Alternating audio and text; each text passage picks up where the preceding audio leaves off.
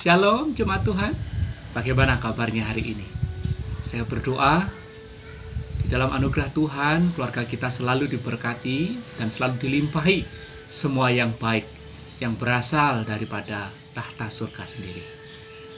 Malam hari ini kita akan bersama-sama bersekutu dengan keluarga kita dalam program acara Mimbar Keluarga. Dan saya berdoa kiranya melalui program acara ini keluarga kita semakin berakar di dalam firman Tuhan bertumbuh di dalam iman dan menghasilkan buah yaitu kasih dan kekudusan. Dengan demikian keluarga kita akan semakin diperkokoh untuk menjadi saksi-saksi Kristus di tengah-tengah dunia di tempat di mana Tuhan mengutus kita. Mari kita bersama-sama membaca kebenaran firman Tuhan yang terdapat di dalam surat Ibrani pasal yang keempat ayat yang ke-14 sampai dengan yang ke-16. Karena kita sekarang mempunyai imam besar agung yang telah melintasi semua langit, yaitu Yesus, anak Allah. Baiklah kita teguh berpegang pada pengakuan iman kita. Sebab imam besar yang kita punya, bukanlah imam besar yang tidak dapat turut merasakan kelemahan-kelemahan kita. Sebaliknya sama dengan kita. Ia telah dicobai hanya tidak berbuat dosa. Sebab itu, marilah kita dengan penuh keberanian menghampiri tahta kasih karunia, supaya kita menerima rahmat dan menemukan kasih karunia untuk mendapat pertolongan kita pada waktunya.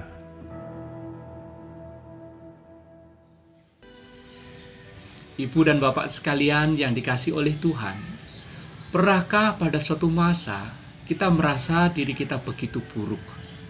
Kita merasa diri kita begitu hina, begitu banyak cacat celah, dan begitu banyak dosa.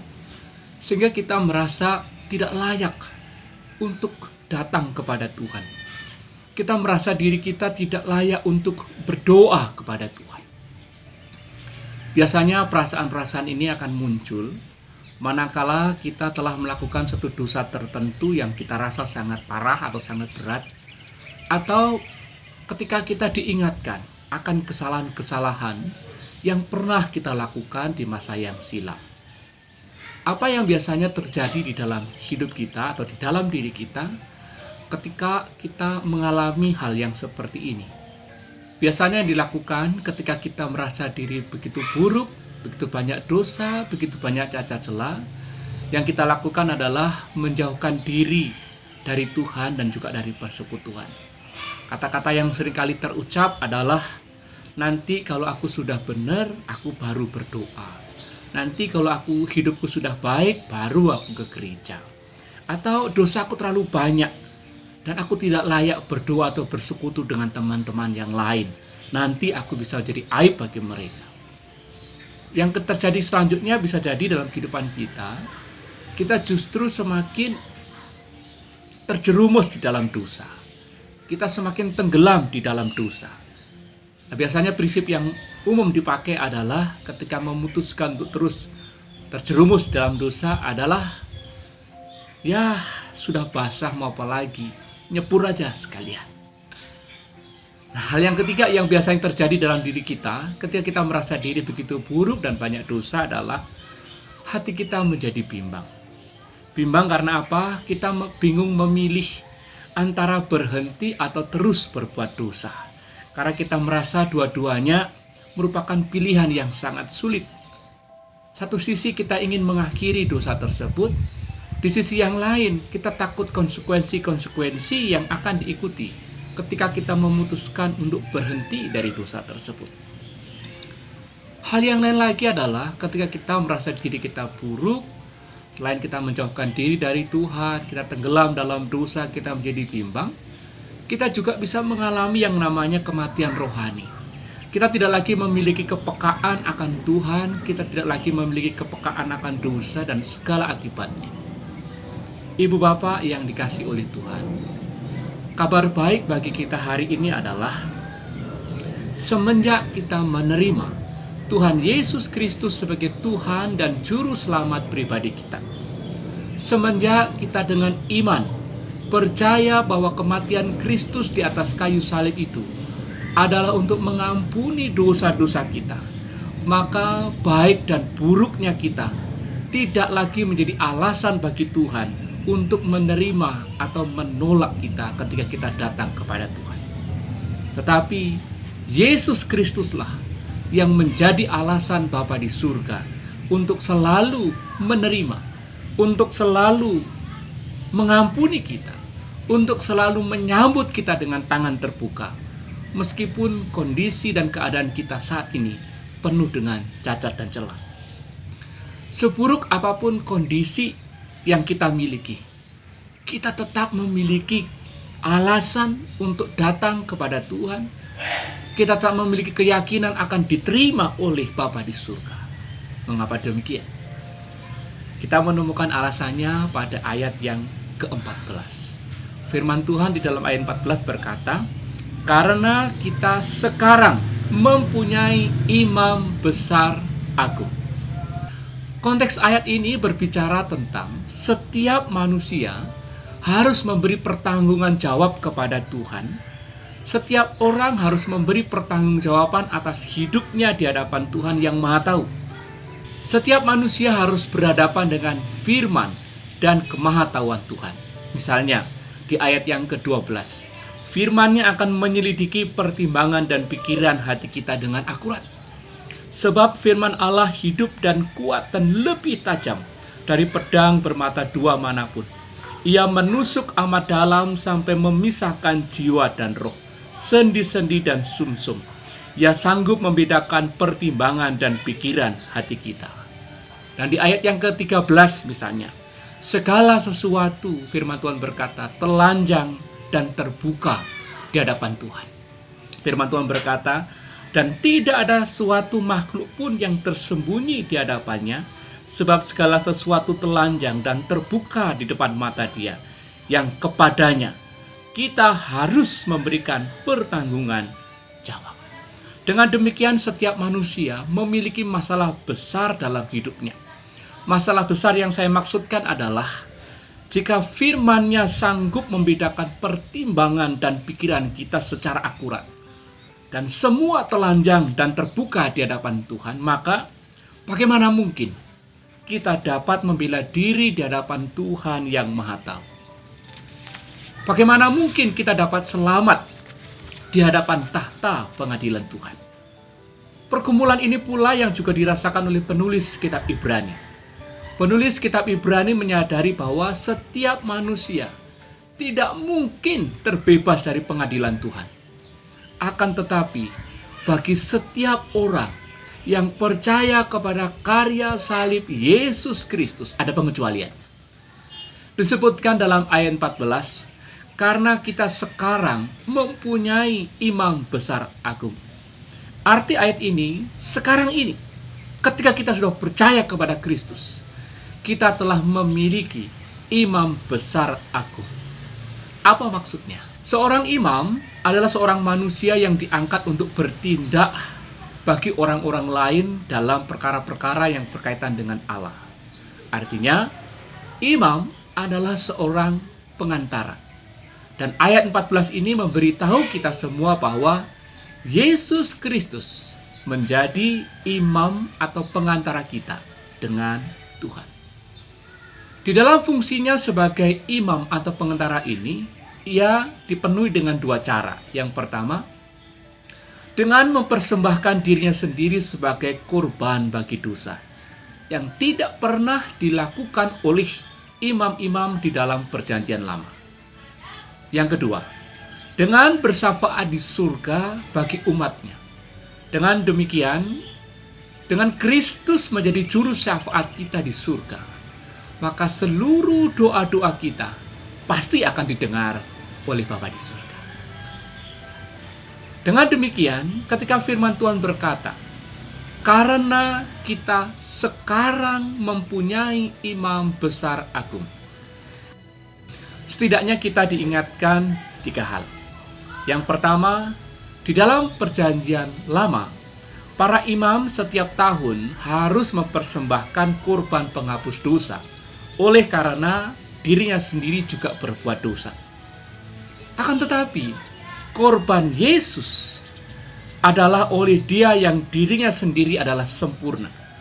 Sehingga pendamaian itu tidak perlu dilakukan baginya. Firman Tuhan di dalam Ibrani pasal 7 ayat 26 sampai dengan 27 berkata, Sebab imam besar yang demikianlah yang kita perlukan, yaitu yang saleh, tanpa salah, tanpa noda, yang terpisah dari orang-orang berdosa, dan lebih tinggi daripada tingkat-tingkat sorga. Yang tidak seperti imam-imam besar lain, yang setiap hari harus mempersembahkan korban untuk dosanya sendiri, dan sesudah itu barulah untuk dosa umatnya. Sebab hal itu telah dilakukannya satu kali untuk selama-lamanya, ketika ia mempersembahkan dirinya sendiri sebagai korban. Yang kedua, oleh karena dirinya adalah sempurna dan pada waktu yang sama adalah juga korban yang sempurna. Maka korban yang dibuat oleh Yesus dengan sendirinya adalah sempurna. Karena itu korban Yesus Kristus dapat benar-benar membayar harga untuk dosa dan meniadakannya. Kematiannya di atas kayu salib adalah pendamaian yang sesungguhnya dan atas dasar pendamaian itulah Allah membenarkan orang-orang berdosa. Demikianlah kesaksian dalam Ibrani pasal 9 ayat 11 sampai dengan 14. Tetapi Kristus telah datang sebagai imam besar untuk hal-hal yang baik yang akan datang. Ia telah melintasi kemah yang lebih besar dan yang lebih sempurna, yang bukan dibuat oleh tangan manusia. Artinya yang tidak termasuk ciptaan ini. Betapa lebihnya darah Kristus yang oleh roh yang kekal telah mempersembahkan dirinya sendiri kepada Allah sebagai persembahan yang tak bercacat. Akan menyucikan hati nurani kita dari perbuatan-perbuatan yang sia-sia, supaya kita dapat beribadah kepada Allah yang hidup. Yang ketiga, tidak seperti kurban-kurban dalam perjanjian lama yang harus diulang setiap tahun, Kurban Yesus Kristus itu sifatnya sempurna dan kekal. Sebagai buktinya, ia sekarang duduk di sebelah kanan Allah. Firman Tuhan dalam Ibrani 10 ayat 12 sampai dengan 14 berkata. Tetapi ia setelah mempersembahkan hanya satu korban saja karena dosa. Ia duduk untuk selama-lamanya di sebelah kanan Allah. Dan sekarang ia hanya menantikan saatnya di mana musuh-musuhnya akan dijadikan tumpuan kakinya. Sebab oleh satu korban saja, ia telah menyempurnakan untuk selama-lamanya mereka yang ia kuduskan. Dengan menyadari bahwa Yesus Kristus adalah iman atau pengantara yang sempurna, serta korban yang ia korbankan persembahkan adalah sempurna dan kekal sifatnya, maka penulis Ibrani mengajak kita semua untuk tidak takut dan gentar ketika berdoa atau menghadap kepada Allah. Penulis kitab Ibrani mengingatkan kita semua bahwa hati Tuhan itu penuh dengan belas kasihan karena ia telah menderita, ia telah dicobai dan mengalami kelemahan seperti yang kita alami saat ini. Dan yang ke-15. Oleh sebab itu dalam ayat 16 firman Tuhan menyebutkan bahwa Sebab itu marilah kita dengan penuh keberanian menghampiri tahta kasih karunia supaya kita menerima rahmat dan menemukan kasih karunia untuk mendapat pertolongan kita pada waktunya. Di surga, Kristus berdoa syafaat bagi setiap orang yang baginya ia telah mati dengan demikian, setiap orang percaya akan menerima berkat-berkat yang Kristus telah bayar dengan harga yang mahal.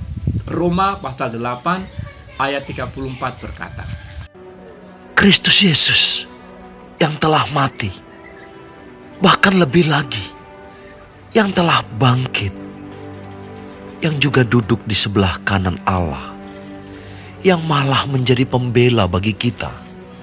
Dalam ayat sebelumnya disebutkan bahwa oleh karena kita menjadi anak-anak Allah, maka kita pun beroleh hak untuk menerima janji-janji Allah. Roma 8 ayat yang ke-15. Dan Yesus Kristus sekarang duduk di sebelah kanan Allah. Itulah yang akan memastikan semua janji-janji Allah itu digenapkan di dalam kehidupan kita. Yang kedua, dengan Kristus terus bersyafaat bagi kita, maka setiap orang percaya memiliki Yesus Kristus sebagai pembelanya di hadapan Allah Bapa. Mari kita membaca 1 Yohanes pasal 2 ayat yang ke-1. Anak-anakku, hal-hal ini kutuliskan kepada kamu, supaya kamu jangan berbuat dosa. Namun jika seorang berbuat dosa, kita mempunyai seorang pengantara pada Bapa, yaitu Yesus Kristus yang adil. Ibu bapak sekalian yang dikasih oleh Tuhan, Yesus Kristus adalah satu-satunya pengantara antara Tuhan dan manusia. Yesus Kristus bukan hanya sekedar teladan untuk kita ikuti ketika kita berdoa kepada Tuhan. Yesus Kristus adalah fondasi yang menjadi dasar untuk membangun hubungan kita dengan Tuhan. Korban dan doa-doa Yesus Kristus, Sang Imam Besar Agung, cukup untuk memenuhi seluruh kebutuhan kita. Oleh sebab itu mengutip ayat yang ke-16. Sebab itu marilah kita dengan penuh keberanian menghampiri tahta kasih karunia supaya kita menerima rahmat dan menemukan kasih karunia untuk mendapat pertolongan pada waktunya. Marilah kita menikmati dan memanfaatkan fasilitas surga ini dengan sebaik-baiknya. Doa merupakan sarana yang Tuhan berikan bagi kita agar kita beroleh belas kasihan dan pertolongan Tuhan pada waktunya melalui Tuhan Yesus Kristus. Sehingga kita senantiasa beroleh kekuatan, kita beroleh kemenangan di tengah-tengah kehidupan yang keras dan penuh dengan percobaan ini. Jemaat sekalian, jangan sia-siakan fasilitas ini. Marilah kita tekun berdoa. Sebagai praktek daripada mimbar keluarga hari ini, saya rindu setiap jemaat berdoa syafaat dengan menggunakan pokok-pokok doa yang telah dibagikan. Kiranya Tuhan memberkati kita semua dan tetap semangat.